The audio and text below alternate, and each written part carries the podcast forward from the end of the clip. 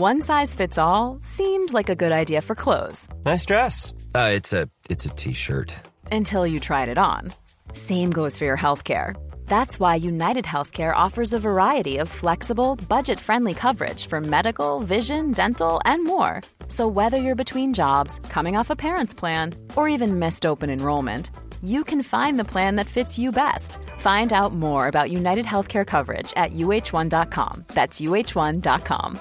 Quality sleep is essential. That's why the Sleep Number Smart Bed is designed for your ever evolving sleep needs. Need a bed that's firmer or softer on either side? Helps you sleep at a comfortable temperature? Sleep Number Smart Beds let you individualize your comfort so you sleep better together. JD Power ranks Sleep Number number 1 in customer satisfaction with mattresses purchased in-store. And now, save 50% on the Sleep Number limited edition Smart Bed for a limited time. For JD Power 2023 award information, visit jdpower.com/awards. Only at a Sleep Number store or sleepnumber.com.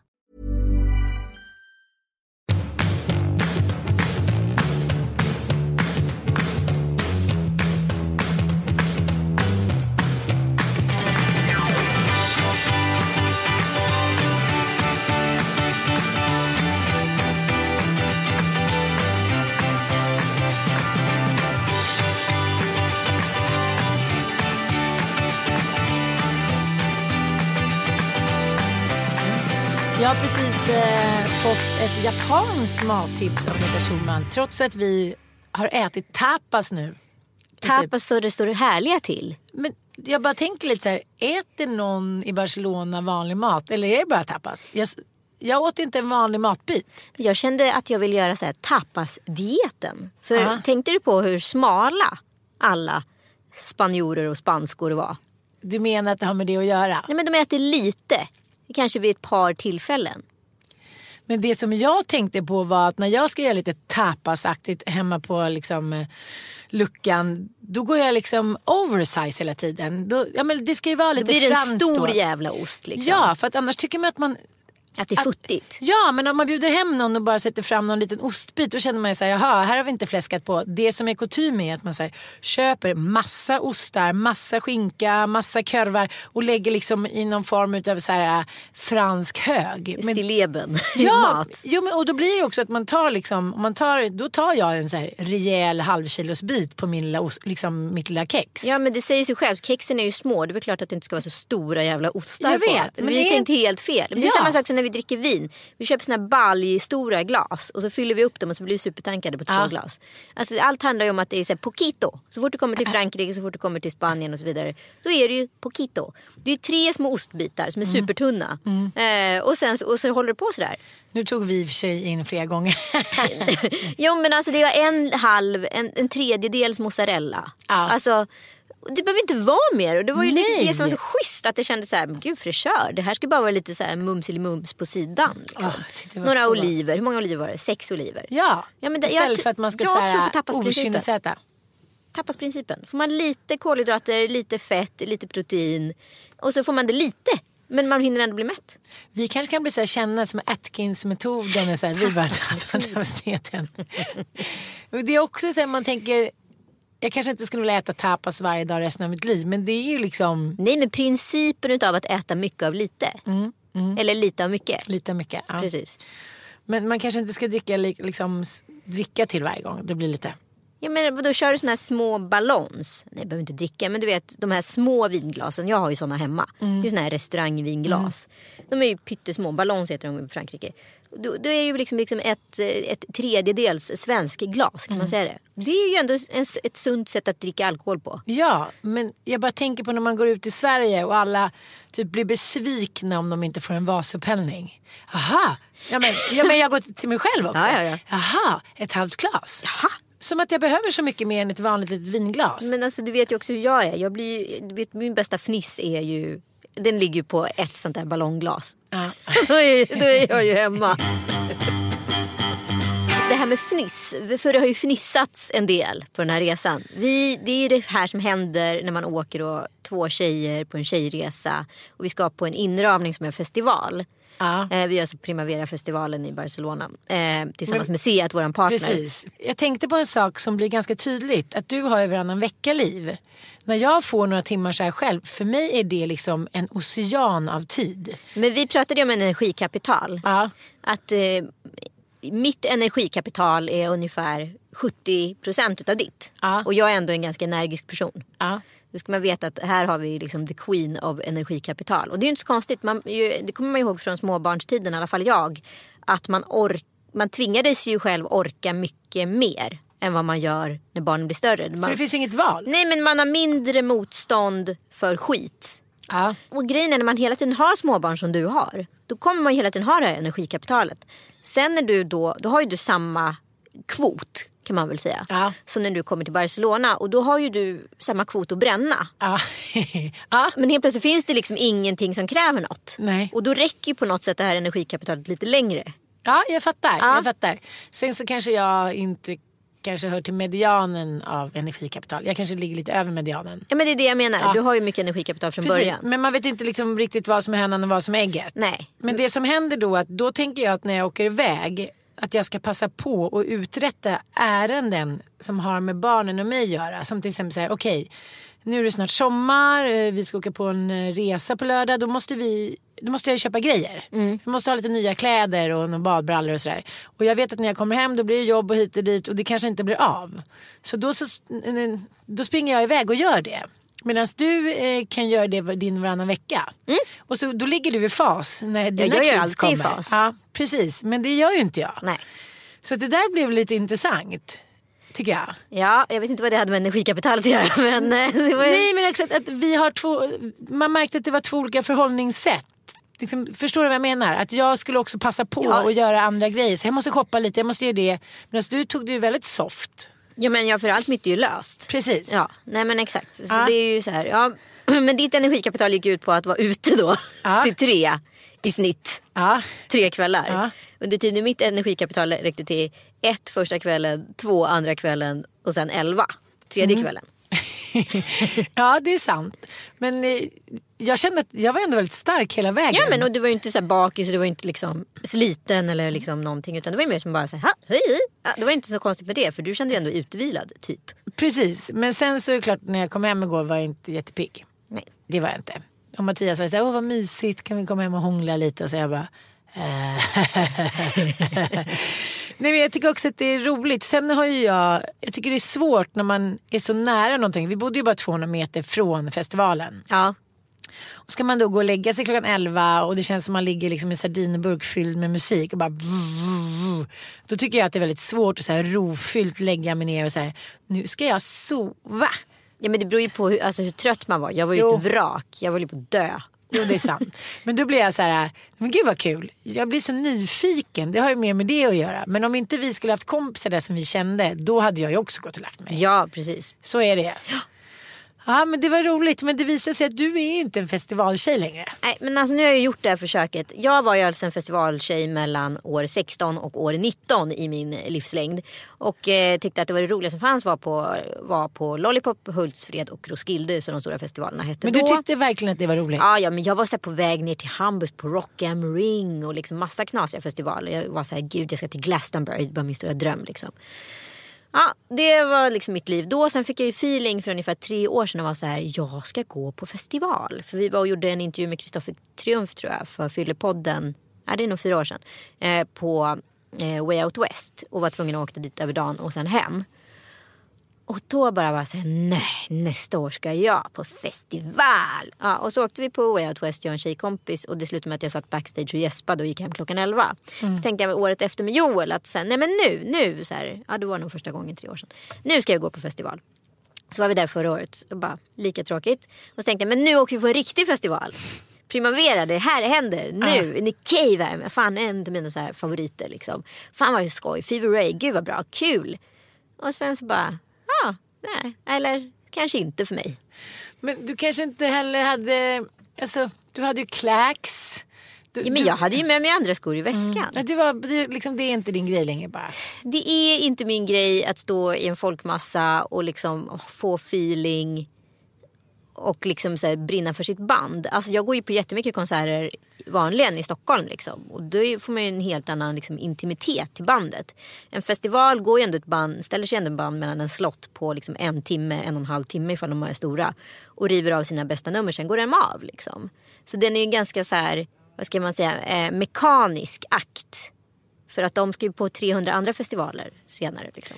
Men det kändes också som att eh, den här eh, festivalen var väldigt mycket så här indie, Ja. floating, flowing musik. Det var inte så här att det kändes så här, åh gud, gud vad spännande, vad är det liksom, nu kommer de där. Utan alla följer lite samma spår tyckte jag. Ja men vadå, alla festivaler förr i tiden var ju typ indie. Alltså vadå, Hultsfred och Roskilde var ju superindie och Lollipop med. Alltså det var ju jätteknasiga band. Men då var jag ju också en indie-tjej som var intresserad av indie och hittade konstiga indieband och blev så glad när jag skulle få se dem på en festival. Liksom.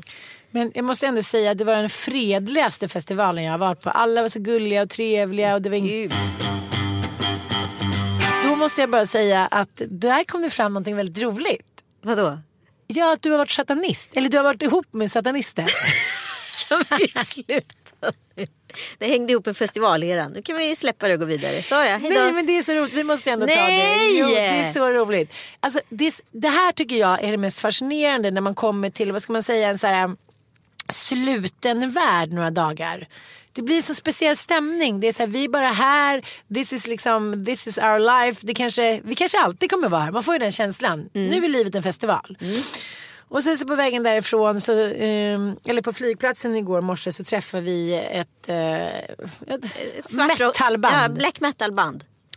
Och de har ju inte, det måste man ändå ge dem, de har hållit fast vid sin stil. Ja, ja, de sett likadana De- ut i 20 år, minst. Ja. Säkert 10 år innan också. Och det är säkert samma kläder, det är samma frisyrer, det är liksom det Det är inte samma fyller. De har gått upp lite i vikt. Precis, de, ja, de hade sina stolta kaggar. Ja, ja, gud Ah. ja.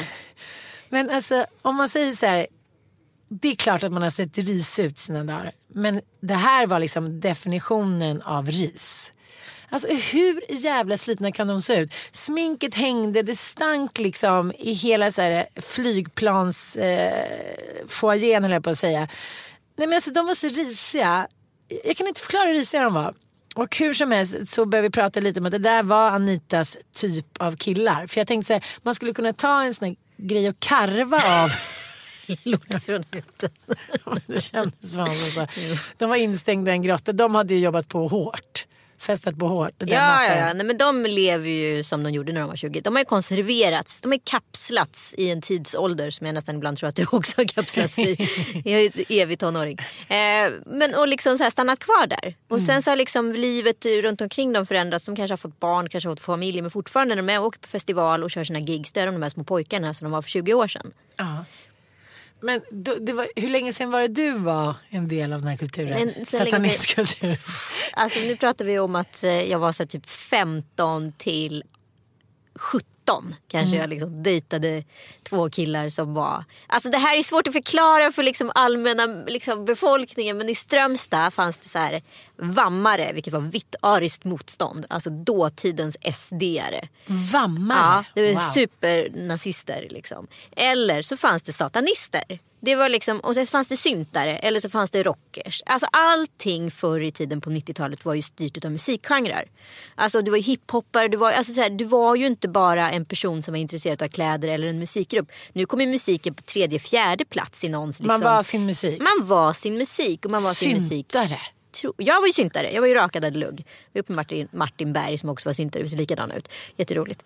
13 till 15. Ja, och sen så bytte jag. Skulle jag bli rockertjej.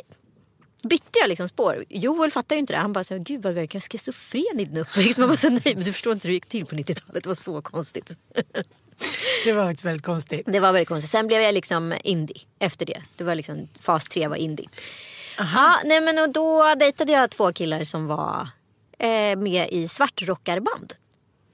Men okej, de var alltså... Det vi ska säga om 90-talet också, att man skämdes inte så mycket för sina åsikter heller. Nej, nej, nej. Nej, de var alltså uttalat erkända att de var satanister. Ja, de var satanister. Det var ju liksom döda djur och sätta framför kyrkor och allt möjligt. Ja, men det var en massa konstigheter som hände där. Men var det inte lite som så här... Men det var ju en tänker sig... mysticism som var spännande. Jo, men det Man var ju inte, man var ju inte med the bad eggs liksom. Utan Nej, man var ju med dem som var med i bandet som bara så här, ja vi bär samma kläder som dem men vi kanske inte riktigt håller på och är så Typ jävla... Alice Cooper. Ja. Ja. Alice Cooper. Och herregud. Kan vi inte lyssna lite? mormor ringde. Det där är ju så långt nej. ifrån black Det metal. finns en låt med Alice Cooper som är så bra. Säger du- Ra, ra, ra, ra. Menar du Poison? Ja, vi lyssnar lite. Okej, det här är väldigt långt ifrån black metal. Vi kanske kan spela lite från Dissection sen. Det är en av deras största låtar. Kan Först det? Alice. Ja, först Alice.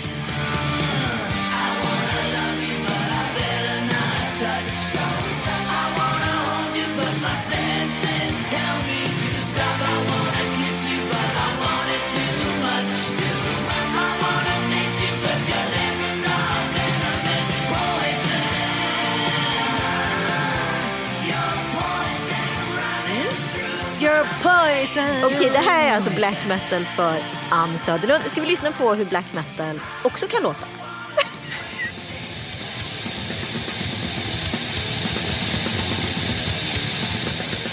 Ja, alltså det, Men det är- här blir man ju sinnessjuk av. Ja men det blir man ju. Alltså, det, det, det finns ju inte liksom, de sätter ju inte en ton. Men jag menar så här, det måste vara det lättaste jobb på jorden att vara så här, gitarrist i ett black metal band.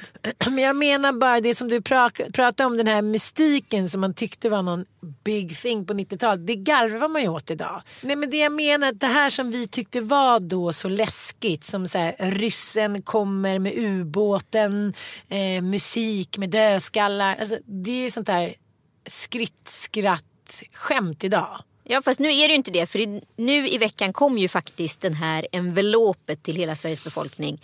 Om krisen eller kriget kommer. Jo, men, ja. Vadå?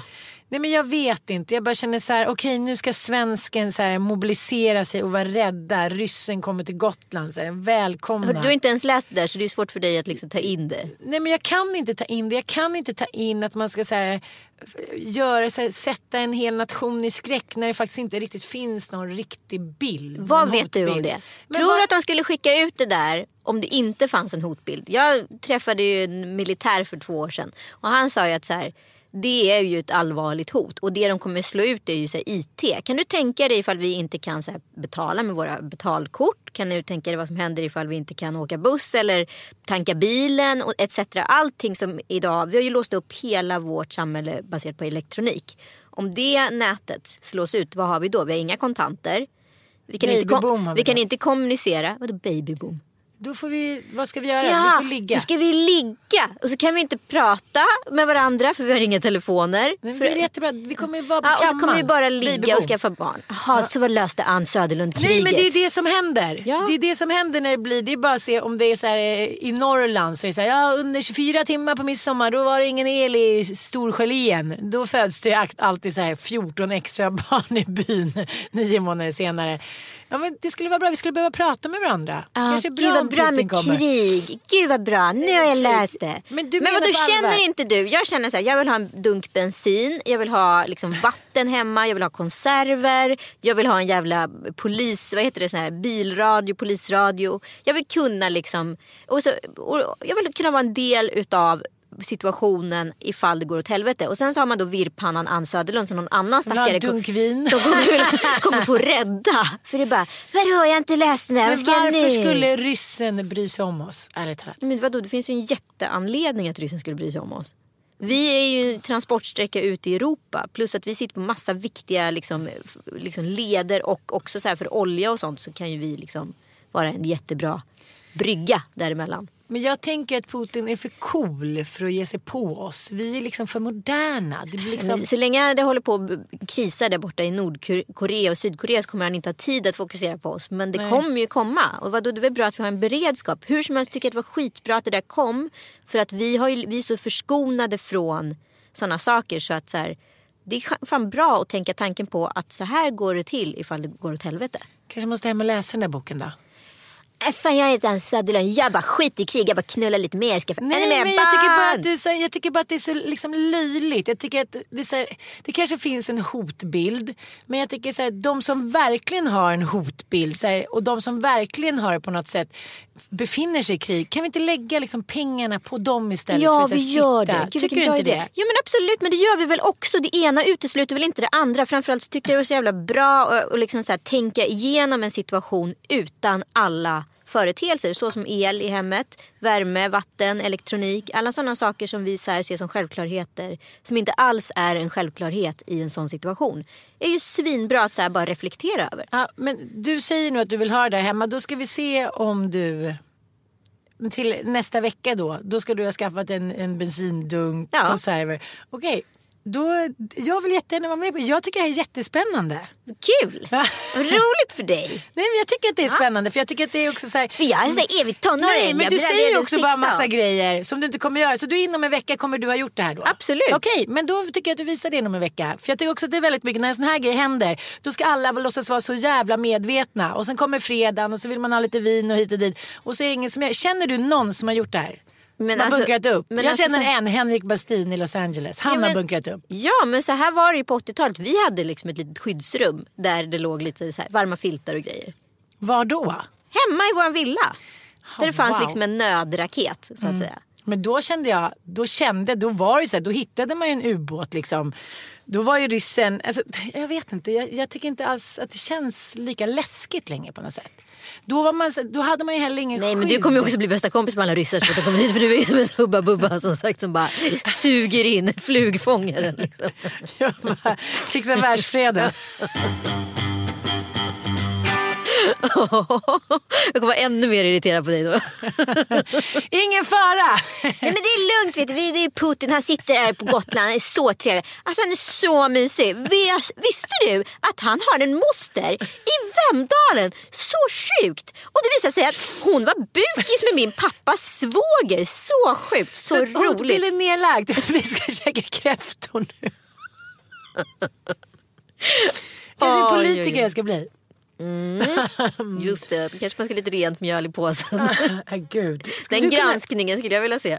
Men har man så, gud det där är intressant. Har man så mycket lik i garderoben? Jag måste bara tänka lite. Ja men det är väl klart man har. Jo men man har det, men är det några som skulle vara så här: okej, men då det- åker hon. Nej men grejen är så här, om man skulle bli politiker idag, vilket jag aldrig överhuvudtaget skulle kunna tänka mig att bli. Det är ju så här att pudla direkt. Alltså okej jag har gjort det här, jag har tagit droger, jag har betalat svart arbetskraft någon gång i livet och bla bla bla bla bla bla bla. Sådana saker, det är bara lista, shitlisten liksom. Ja. Om jag kan bli förtroendevald efter detta, då är det fan upp till er, inte till mig. Ja. Men Maria Borelius, kommer du ihåg henne? Jag kommer ihåg henne och eh, där känner man också den här känslan som man kan känna själv ibland. Men, eh, om jag bara inte säger någonting så är det ingen som kommer få reda på det. Nej fast de hade ju grävt ordentligt. För det var väl bara den, det var väl den De svarta hade- arbetskraften med Hon hade, lagt ett, eh, nej, hon hade lagt ett hustak. Med svart entreprenad. Att det är, alltså, men det är också så fascinerande för då är det någon som googlar att det kommer fram. För det Ja. finns ju uppenbarligen inte dokumenterat i och med att det är svarta pengar. Så Men vem kan ha googlar. googlat det? Men också idag, vet om hon hade blivit, hon blev ju så knäckt utav det. Hon flydde ju landet liksom. Mm. Men jag tror liksom inte att det skulle kunna ske idag. För alla har använt svart arbetskraft någon gång. Liksom. Så är det ju bara. Och liksom när du var så här 25, inte fan hade du råd att betala någon vitt ifall den skulle hem och skruva upp någon jävla hylla. Liksom. Nej, du kan ta det på faktura. Mm.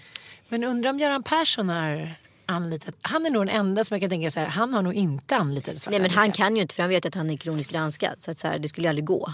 Alltså, han, han har nog inte ens spekulerat åt det hållet. Men det jag tyckte var intressant med det som hände Maria Borelius det var ju så att hon var ju ändå en mångmiljonär. Precis. Eh, och hennes man med. Men att man ändå, hur rik man än är, alltid ska känna att man kan tjäna det där lilla, lilla extra. Att man utgår från samma så här, ekonomiska perspektiv oavsett hur mycket pengar man har i Ja, livet. det ligger i människans natur. Ja, och det är därför så här, många liksom, väldigt rika personer upplevs snåla. Men egentligen är de ju bara lika ekonomiska som vem som helst. Och det är också kanske därför som de har behållit sina stålar. Till skillnad mot en annan som bara, "Rutt, åh, pengar kommer in, nej pengar kommer ut. Det är, ju den liksom, det är ju den enkla ekvationen och hemligheten bakom människor som lyckas liksom köpa hus, investera. Det är att de har koll på ekonomin Ja. och hela tiden ser över. Ja. Som, jag har ju kompisar som har jättemycket pengar som kan sitta i dagar och kolla flygbiljetter. Ja. Om de ska åka till New York då kollar de liksom. Och de vet allting. Mellan, på måndagar mellan 20 och 22 bla bla bla på den sajten då är det billigast. Jag är så här wow. Att de hela tiden sparar de där extra hundralapparna, tusenlapparna. För jag får ju i alla fall för mig att det där kommer alltid, det blir ändå break-even någonstans. Det tror jag med. Sen så är det ju så här, jag gjorde ju några så superblunders förra året på semestern i Italien. och just det året kanske jag hade råd. För att jag tjänade bra förra året. Men liksom, då kanske jag wastade 10 000 på så här, oj jag glömde boka av. Eller det där hände, oj nej vi åkte fel, vi missade det där. Ja, så att det kanske jag wastade 10 000. Det hade ju, kommer inte ske det här året. På den här Nej jag vet, det skulle aldrig ske. Nej nej nej. Det där är så lustigt. Att man blir så nonchalant. Ja, Men jag tror att det är för att man inte ärvde pengar. det är det. Och för att man liksom skrapar ihop den där skiten alltid själv. Så man vet så här, har man gjort det så kan kommer ingen täcka upp. Så då är det så här, okej det var ändå mina pengar. Du behöver inte ha ångest inför någon annan. Nej. Det måste ha med det att göra. För att par som gnetar, rikgnetar, de sätter ju dit varandra också. Ja, ja, Jag har ja. ju så många kompisar som så här gömmer det de har shoppat. Bara, "Se- och när vi träffas, kan du säga att det var på den här utförsäljningen att jag fick dem av dig? Man bara, Jaha, okej. Hon fick dem av mig. Och då blir man så här, det är nog det sista jag skulle göra. Fast jag- Ljuga om att jag hade shoppat. Nej fast jag kan ändå känna så en skam. Även fast jag och Joel inte har delad ekonomi överhuvudtaget. Så kan jag ändå känna en skam när jag har shoppat. Och så här, ha, var har du köpt den där? Ingenstans. Varför pratar du sådär för? Nej, jag vet inte. Men vad kostar den? Pff. Alltså det sitter långt inne. Att det är fortfarande skamfullt för mig. Men det är inte för att han också är rätt ekonomisk. Jo, han är superekonomisk. Ja. Ja. Och blir det inte då ett ännu större skamfall liksom? Att du har gått och köpt en väska för så här tio lök. Jo, men det är väl klart att det blir. Ja. Ja, men det var Och min för att- födelsedagspresent.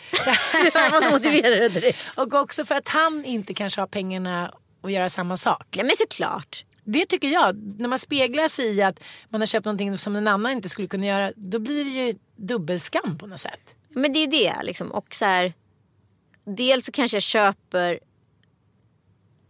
liksom en väska åt mig själv. Vet inte jag vad han har tänkt att ge- mig i födelsedagspresent. Men dels så, så eliminerar jag den chansen för honom. Och sa, samtidigt så sätter jag ribban för vad jag kräver för att bli glad. Eh, och sen så unnar jag mig det själv. Så att jag så här, snuvar honom på tre Ja. Grejer liksom på ett sätt. Mm. Nej, jag fattar. Ja, det, så det blir ju skamfullt. Men å andra sidan så blir det så här, det känns också väldigt omodernt och liksom icke-feministiskt. Men då gör jag inte det för att vara gullig mot honom. Då är man kvar i 40-talistspåret. Det Ja, går ju inte. Nej men det går ju inte. Det och jag är ju skitgullig inte. mot honom hela tiden så att han har ju inte så mycket att klaga på liksom. det var gulligt. Hej, jag är 13 år. Jag är jättegulligt med honom hela tiden. Han har inte så mycket att klaga på. Okej, men då hoppar vi vidare. Huts, kommer. Du, hör ju, du hör ju vilket, så här, vad det ligger, vilket mycket skam i det här. Hörde du mig? Ja. Jag börjar försvara mig på en Ja, gång. jag vet. Sjukt. Lägg ner det direkt. Skämmes. Du är värd. Jag, Kan du göra en liten så här vignett, någon liten så här spansk, och så kan vi prata lite. Me voy a Barcelona. Yo me voy a Girona. Men det är så intressant att komma tillbaka till en stad som man så här. Eh, jag, första gången jag var i Barcelona, jag tycker verkligen mycket, jättemycket om Barcelona. Vi var ju på Boca Grande, det är underbart. Mm. Alltså det är helt otroligt. Ehm, det är ju att man så här, jag kommer ihåg jag var där för första gången för 13 år sedan tror jag. Att jag blev så här totalt förälskad i stan. Var så här besatt. Vi var i Gaudi-parken och bara så här, åh, det var så mycket konstupplevelser och massa knas. Men sen var det ju också en väldigt speciell resa. Jaha. Eh, så den, den har två bottnar. Det bra var att vi hade en så här sangria lunch och blev liksom lite på arslet och gick och shoppa och hade väldigt kul. Jag det var den roliga delen. Eh, och vi var också väldigt nykära för vi hade varit ihop i typ två månader och skulle på ett bröllop eh, ungefär 25 mil från Barcelona. Och jag var ju ny i gänget så jag var ju där liksom med hans kompisar och hans posse. Och till saken hör att det var väl en, en liten dubblering som det kan vara där i början. När man träffar någon som har kanske träffat någon annan samtidigt. Och det har inte riktigt varit utspikat vem man ska gå med eller åt vilket håll. Så eh, mitt XX eh, berättade för mig någon månad innan vi skulle åka att eh, vi skulle åka till Barcelona på det här bröllopet. Men han hade blivit erbjuden av en tjejkompis inom kaninöron att följa med på eh, MTV Music, eh, vad heter det? Award. Ja, MTV Music Award i Wien tror jag det var. Och jag var så här, oj, eh, ja det kan du väl göra om du vill men det är klart det blir lite konstigt. Han bara, nej, nej men jag struntar nog i det, jag struntar nog i det. Okej. Jag bara, "Ja, du gör som du vill liksom. Ehm, och sen så åker vi till Barcelona och det är ju som sagt jag, ni gänget och hans eh, ja, tio kompisar som alla ska på det här bröllopet. Varav den här tjejen som man skulle åka på eh, till Wien med var en utav dem. Sen på kvällen kommer vi fram och då ska vi gå ut och äta tror vi. För att den här tjejen bjuder in till en stor middag på en restaurang. Men jag är inte bjuden. Va? Alla andra var bjudna utom jag. Nej, men vadå? Du åker dit med din kille och han går in och käkar middag och du får sitta på hotellrummet? Jajamän. Nej men Jajamensan. Så eh, min kille då blir då arg. Och, men han ska lösa det på sättet genom att åka till restaurangen och skälla ut henne. Så men då var jag så här, men då går ju du ändå på middagen. Det blir jättekonstigt för mig. Eh, ah, men jag ska bara åka dit och skälla ut henne. Tre och en halv eller fyra timmar senare kommer han hem snorfull och grinar och ska göra slut med mig. Jag, jag är så här i chocktillstånd. Jag, bara, jag fattar absolut ingenting. Jag bara säger jag är väl den. Så då ringer jag den här tjejen och jag säger jag, alltså, jag har ingen aning om vad som har hänt här. Jag vet inte vad ni har för relation eller vad ni har haft för relation. Och om ni har en pågående relation. Jag blir bara liksom jättesårad för att jag inte blir inbjuden på den här middagen. Och jag har liksom ingenting med det här att göra. Så jag vet inte vad jag ska, jag vet inte vad jag ska göra och nu gör han slut med vad fan är det här liksom. Hon bara, ah, men det, är ingen, det är ingenting, det är ingen skit, i- skit i mig och skit i honom och, och så nu gör vi så här, jag åker inte på bröllopet. Jag bara va? Så då blir jag liksom orsaken till helt plötsligt att hon inte åker på bröllopet dagen efter.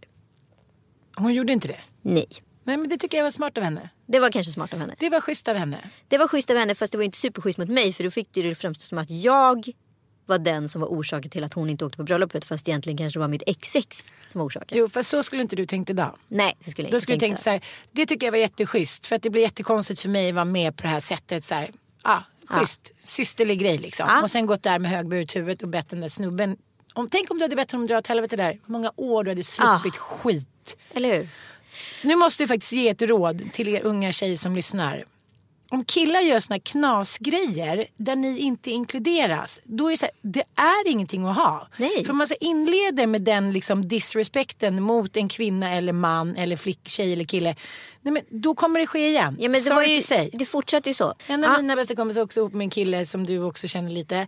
Och eh, vi skulle hem på någon fest eh, till en gemensam, lite så här coolare så här, journalist som inte längre anses lika cool. Och då eh, skulle inte hon följa med. För det var redan så många där.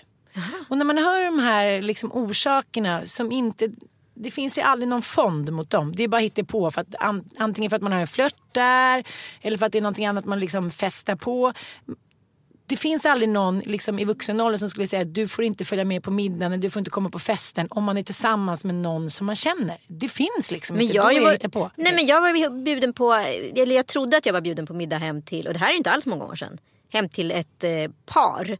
Liksom med mitt ex. Eh, för de, vi skulle kolla på fotboll. Det var någon VM, tjosan, kval eller vad det var. Men så visade det sig att jag var inte bjuden för det skulle bli så mycket folk då. Så det var bättre att bara han kom. ja, Så det var ett, ett, ett par och mitt ex.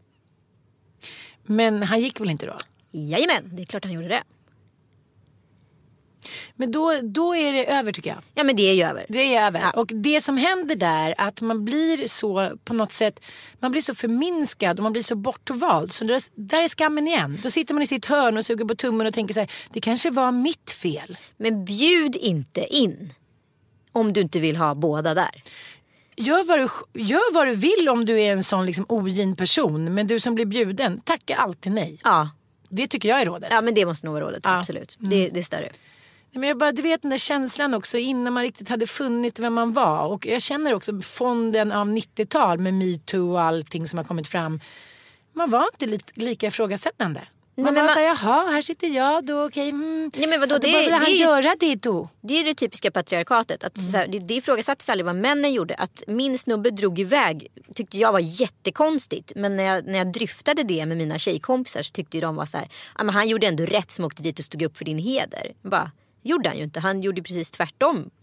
Liksom. Det där var ju bara på för att han skulle kunna gå på middagen. Ja, ja, precis. Och sen satt väl han där och slämmade sig med henne och sen så åkte han tillbaka och Det hade ju bara varit att ringa och säga så här, hej jag är en ny tjej, vi kommer båda två.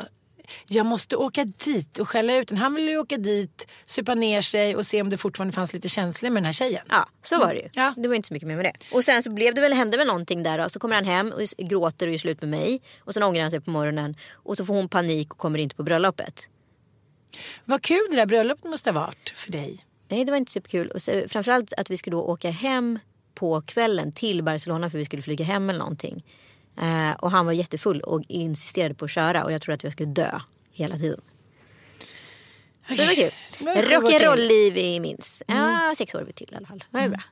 Men jag tycker kämpa det är på. en ganska bra eh, riktlinje att så här, om, om, om personen tidigt inte står upp för en, då kommer man inte göra det sen heller. Nej, Och det gäller tjejer också. gud ja. Ah, oh, vilka historier. Nej men jag, eh, jag tycker jättemycket om Barcelona. Jag har inte samma liksom kanske kärleksminnen eller så här lyckobubbskänslor. Tyckte, tyckte som det jag- kändes som ett kärleksminne. Nej, nej. nej men jag tycker det är intressant. Jag skrev om det på bloggen igår. Att så här, vad är det som gör att man instant fall in love liksom, med en stad? Sen finns det ju Paris som bara är så här, jaha, Gud skapade den här stan för att man skulle gå omkring och glittra med ögonen. Det finns ju vissa städer som liksom omöjliga att motstå. Ja men jag tycker att så här, städer, alltså London, Paris, Stockholm, New York, eh, jag vet inte, Wien. Alltså så här, städer där man ser staden, i staden. Alltså Prag liksom. De är ju så vackra så att det är helt otroligt. Sen så har jag en annan kärlek till de här städerna som så här, Mumbai, alltså eh, Rio, Tel Aviv. Tel Aviv, Barcelona som har liksom en kustlinje i staden. Det är ju en annan det blir en partystad på ett annat sätt. Ja, men det är mer äventyrskänsla, Ja, det är en äventyrskänsla. Man vet inte riktigt. Så här, centrum känns inte lika relevant, men kusten gör det. Liksom. Men jag håller med dig. Men det som är med Barcelona är ju att Ja, det som du säger, det finns ju fantastisk konst och det är Gaudi och det är liksom fantastiska små tapasrestauranger. Och alla som, jag tänkte på när jag skulle förklara för Mattias hur vi hade haft det, så tänkte jag så här, alla servitörer och servitriser blir som ens polare. Men, alltså, alla var så trevliga. Det måste vi bara Nej men alltså hur av. trevliga kan människorna vara? De har också en bra sarkastisk humor. Ja. De är ironiska, de är charmiga, de är snygga. När man kommer till Paris då får man ju bara någonting slängt på sig. Och där är, det är kanske därför det också känns som att man har varit så himla kär och jag och min snubbe mot världen och hit och dit. För att det är ingen annan som bryr sig om en när man är i Paris. Förstår du? Nej, Man men blir inte en precis. del av stan på samma sätt. Då blir det så här, åh där gick vi hand i hand. Medan i. Spanien så vill alla bjuda in en på något sätt. Ja men man blir bäst i smalla på två sekunder. Ja. Och så är här- Framförallt du. kan vi prata lite om Leffe nu? Vi kan faktiskt prata om Leffe. Leffe är det tokigaste hittills. Det har varit mycket tokiga knas. Mycket knas. Nej men det är ju också att det finns en... Fast vi måste bara prata, vi måste bara göra en recap på att du blev så här Halmstads dotter när du var i Halmstad och liksom bytte igen nummer med en himla massa människor. Och fick typ stadens nyckel och liksom var ute på ditt segertåg som drottning Eulalia och eh, ja, gick, gick runt och vinkade lite så här fint som Silvia gör med vicka hela handen och sen så åkte du hem därifrån. Och nu kom du till Barcelona. Eulalia var i Barcelona och skulle frälsa stan. Och på, och på planet hem så träffar hon Leffe. Lelleros. Lelle- Ja, men han vill inte ha så många kompisar på Facebook. Men han, han vill ha mig. Det slutade med att jag satt med fyra av Lelles glas som han hade köpt. Kan vi prata om. Lelle? va? Hur började detta? Hur Nej, men det detta? börjar ju med att jag hamnar bredvid honom. Du och jag skulle inte sitta bredvid varandra. Utan någon sjuk anledning. Ja, så då sitter jag bredvid Lelle. Eh, jag sitter på A, han sitter på C. Nej men, jag vet inte. Jag, man börjar prata lite. Och Man sen, börjar prata, helt plötsligt vaknar jag när jag hör din symaskin till mun. Så här, Gotland, Stockholm, Nej, men det som är Attefall. att jag, jag tycker att det är intressant med de här människorna. Jag tycker det är intressant med de som kanske ja, men, lever sitt eget lilla speciella liv. Liksom. Mm. Och har valt sina egna eh, levnadsregler. Ja. Och som tycker att alla människor är värda fem minuter.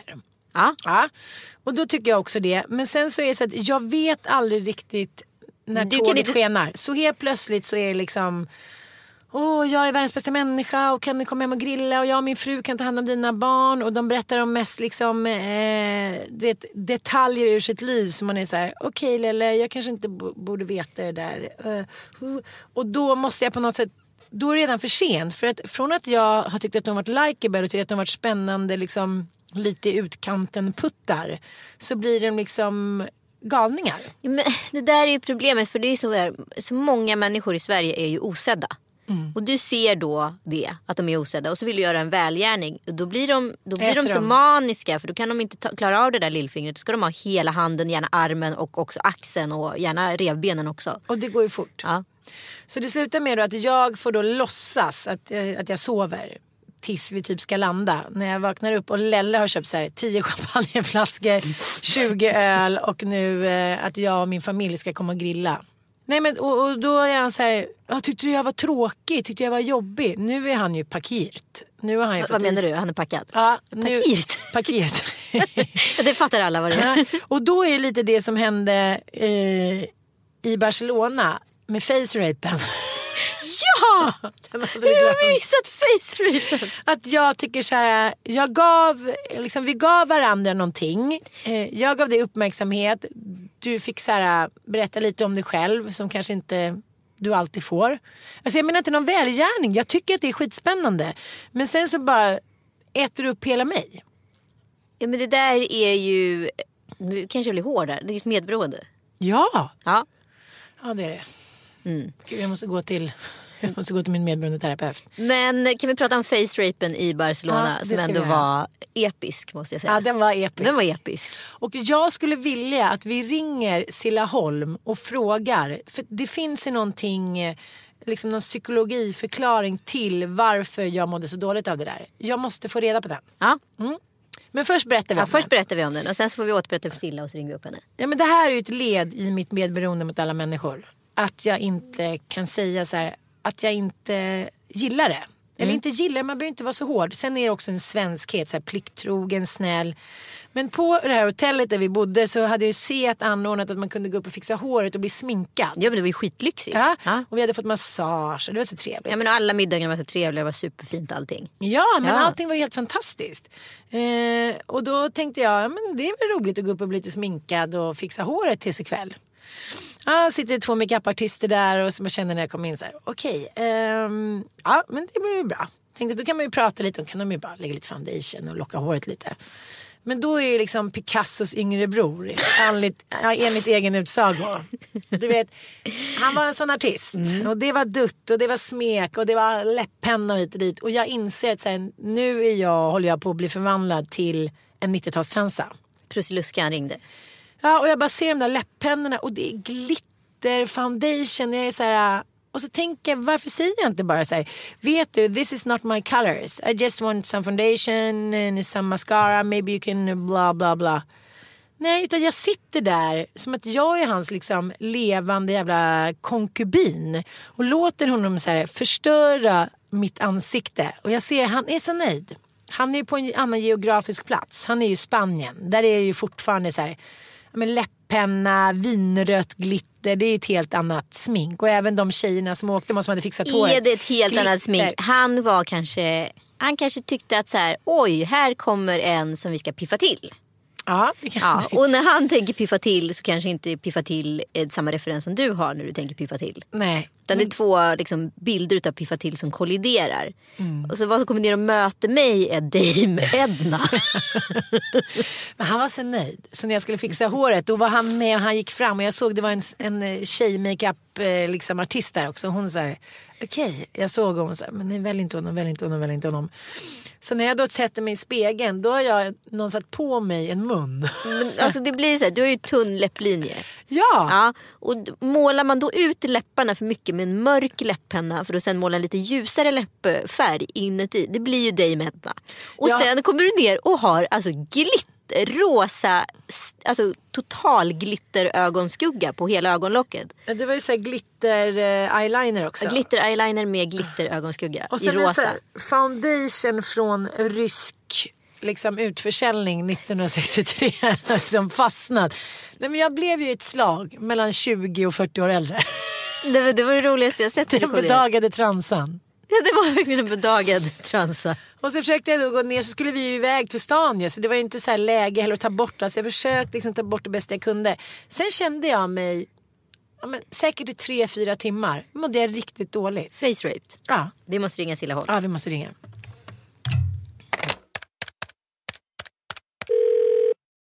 Så här, jag har ju ett problem att jag, eh, men lite som att, att, så här, att mina energier på något sätt det blir så härligt för dem. Det blir liksom, de känner, jag vet inte hur jag ska förklara. Nej, men du, har, du, har ju ett, du har ett härligt ljus. Man känner sig ju sedd utav dig. Ja, och, vad händer, ja, och vad händer då? Det är det, vi, det, är det han undrar. Ah, nej, jag vill berätta om Frågeställningen face är rapen. Varför eller vad är frågeställningen? Nej, Frågeställningen är vad? Men frågeställningen är då att det här hände ju flera gånger under den här tre dagars trippen till Barcelona. Att jag liksom hamnade där. Jag skulle gå upp och bli sminkad av några makeupartister som Seat hade ordnat. Och då är det en liten kille där som tycker så här: okej här kommer någon som jag eh, verkligen ska få stor piffa.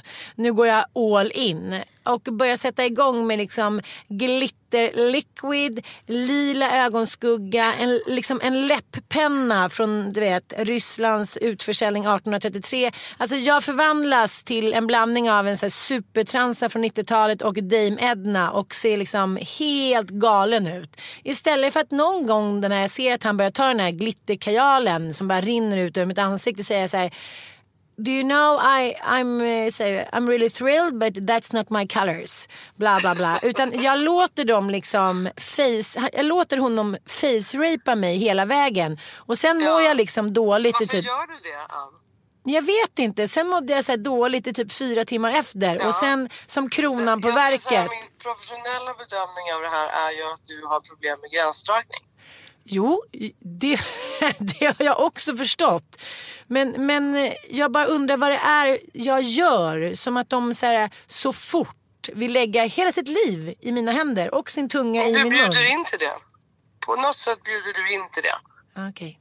Det är ju inte personer som skulle göra det på vem som helst utan det är ju du som får dem att vilja göra det. Ja.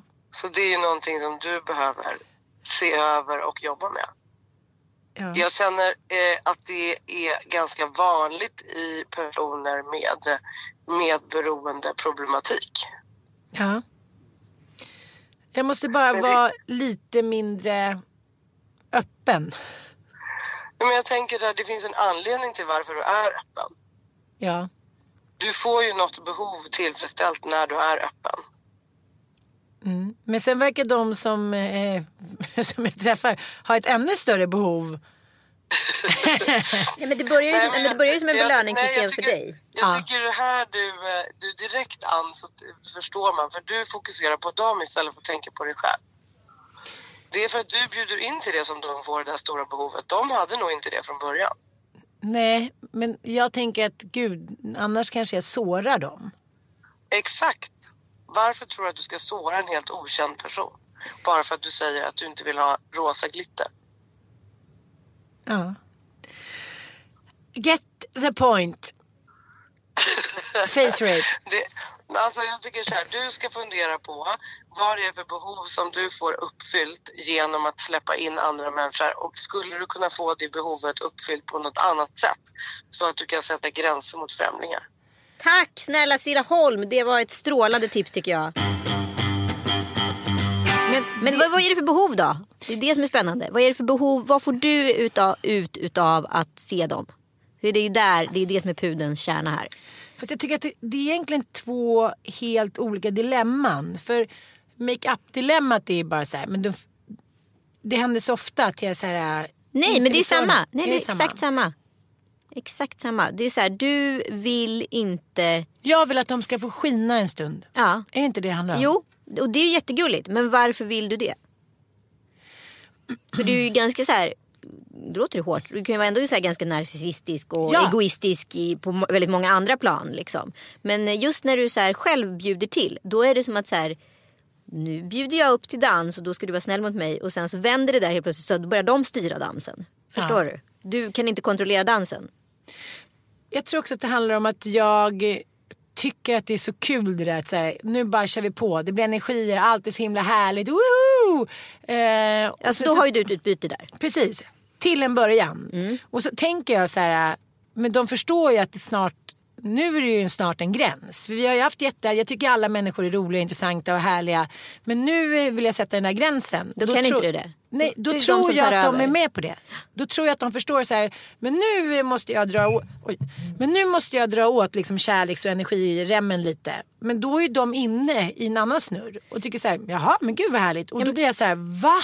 Men förstod du inte att det inte alls var så jag menade? Ja men det är ju som att ni dansar en vals och du har bjudit upp. Mm. Och sen så tar de över. Och så vill de dansa en dans till med dig men då vill ju du kliva av dansgolvet. Och nu är inte du intresserad längre. Men då rycker de tag i dig och nu är du inne i någon så här djävulsdans. Som du inte kan liksom avsluta. Ja. Ja, det är så det är. Du får sluta Jag får vara tyst. Nej, jag tror inte det är det. Men du får liksom vara väldigt tydlig med ditt, din avsikt från början tror jag. Lelle var en eye-opener. Ja, Och- Lex Lelle. ja och lite face-rapen också då. Precis. Ja. För att den var så monumental. Ja. Men det pågår ju liksom lite minikini hela tiden. Att så här, jag vet precis vad jag vill. Jag vet precis hur jag vill se ut. Jag vet precis vad jag liksom tycker och vill säga. Ändå så bara, det kanske blir fint. Fast det är så jävla enkelt att bara säga så här, det där är inte min stil, det där är inte mina färger, det där är inte jag, det där tycker inte jag var gott, bla bla bla. Det är liksom, hur sårade kan människor bli? Jag tror att varje gång jag säger någonting, och det kanske är lite narcissistiskt, att så här, liksom stopp eller säga att någonting är fel då kanske jag förstör för dem. Fast han skulle ha, haft, han skulle ha kanske 20 makeup-tjejer till. Men jag upplever att jag hade problem med den typen av gränssättning tidigare. Men det var liksom så här någonstans mellan så här 20 och 30. Dels för att jag ville vara alla till lags och vara duktiga flickan. Men jag vill inte heller göra någon besviken.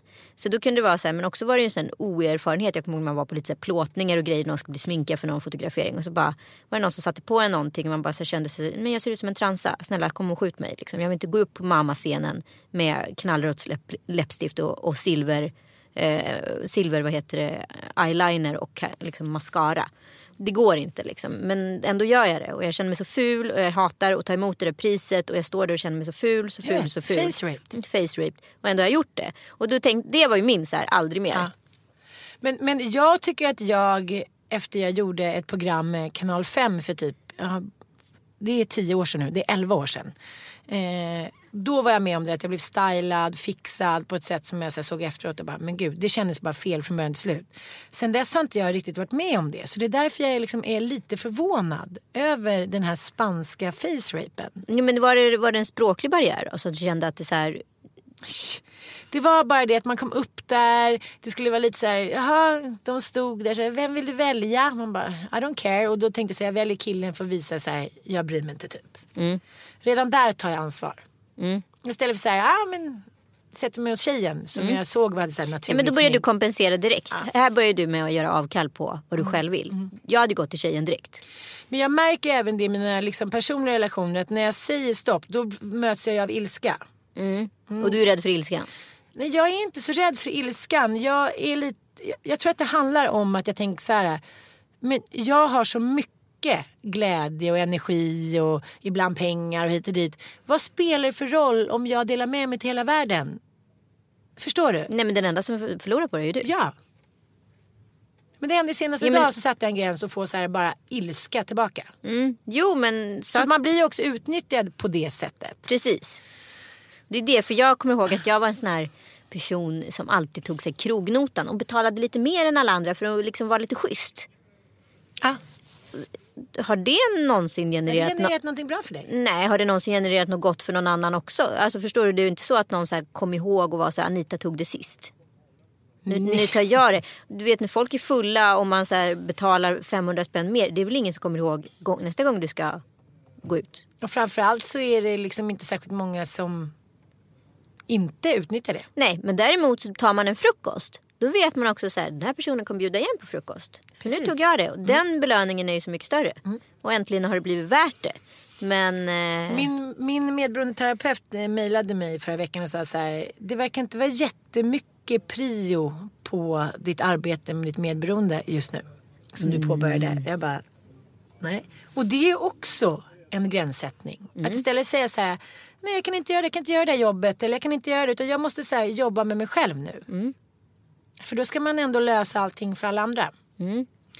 Ja, för fan, jag har mycket att ta tag i. herregud, den här blir en sommar utav kontemplering.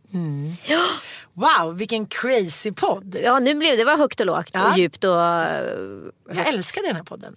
Ja, jag märker det. Vi pratar om dig själv nästan hela tiden. Nej, det var skoj. inte vara arg för det där med ryssen kommer. Då vet man inte. Ska den här, ska den här podden heta ryssen kommer? Jag eller redan face rape? Jag tycker face rape är roligast. Face rape med rysk flagga. Ja. Tack för att ni lyssnade. Hej då. Det betyder mycket. Puss puss.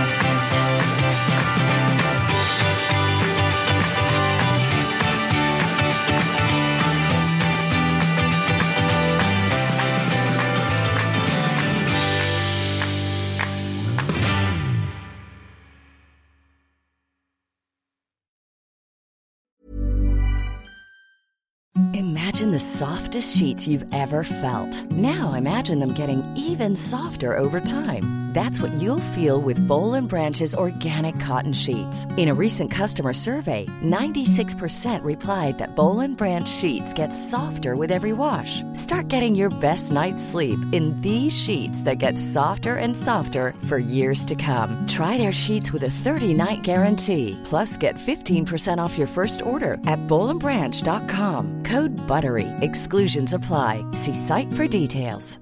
Imagine the softest sheets you've ever felt. Now imagine them getting even softer over time. That's what you'll feel with Bowl and Branch's organic cotton sheets. In a recent customer survey, 96% replied that Bowl and Branch sheets get softer with every wash. Start getting your best night's sleep in these sheets that get softer and softer for years to come. Try their sheets with a 30-night guarantee. Plus, get 15% off your first order at bowlandbranch.com. Code BUTTERY. Exclusions apply. See site for details.